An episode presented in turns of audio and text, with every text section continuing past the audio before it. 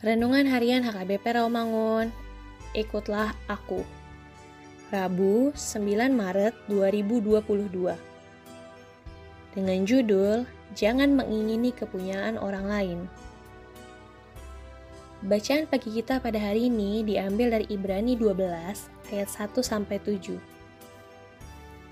Bacaan malam kita pada hari ini diambil dari Markus 12 ayat 28 sampai 34.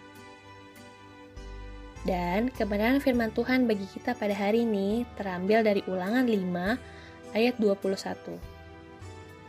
Yang berbunyi, Jangan mengingini istri sesamamu dan jangan menghasratkan rumahnya atau ladangnya atau hambanya laki-laki atau hambanya perempuan atau lembunya atau keledainya atau apa pun yang dipunyai sesamamu.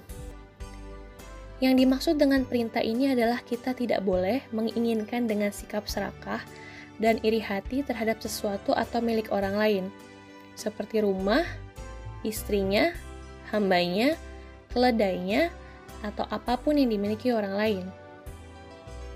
Kita dilarang untuk mengingini apa yang dimiliki sesama kita.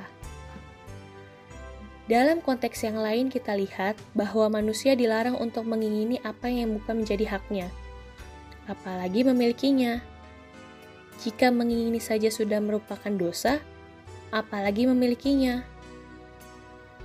Sayangnya, banyak orang terjebak dalam hukum Tuhan ini, sehingga sifat ingin menguasai, serakah, atau merampas sering kali terjadi di sekitar kita.